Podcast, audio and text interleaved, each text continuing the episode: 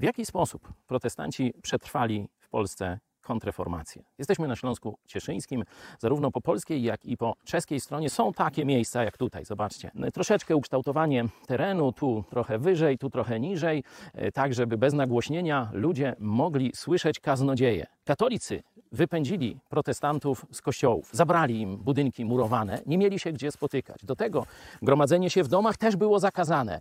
E, Czekały dyby, czekały zamki z kazamatami. Dlatego ludność protestancka spotykała się tu, po górach, po lasach. Zobaczcie, tu nie ma niczego.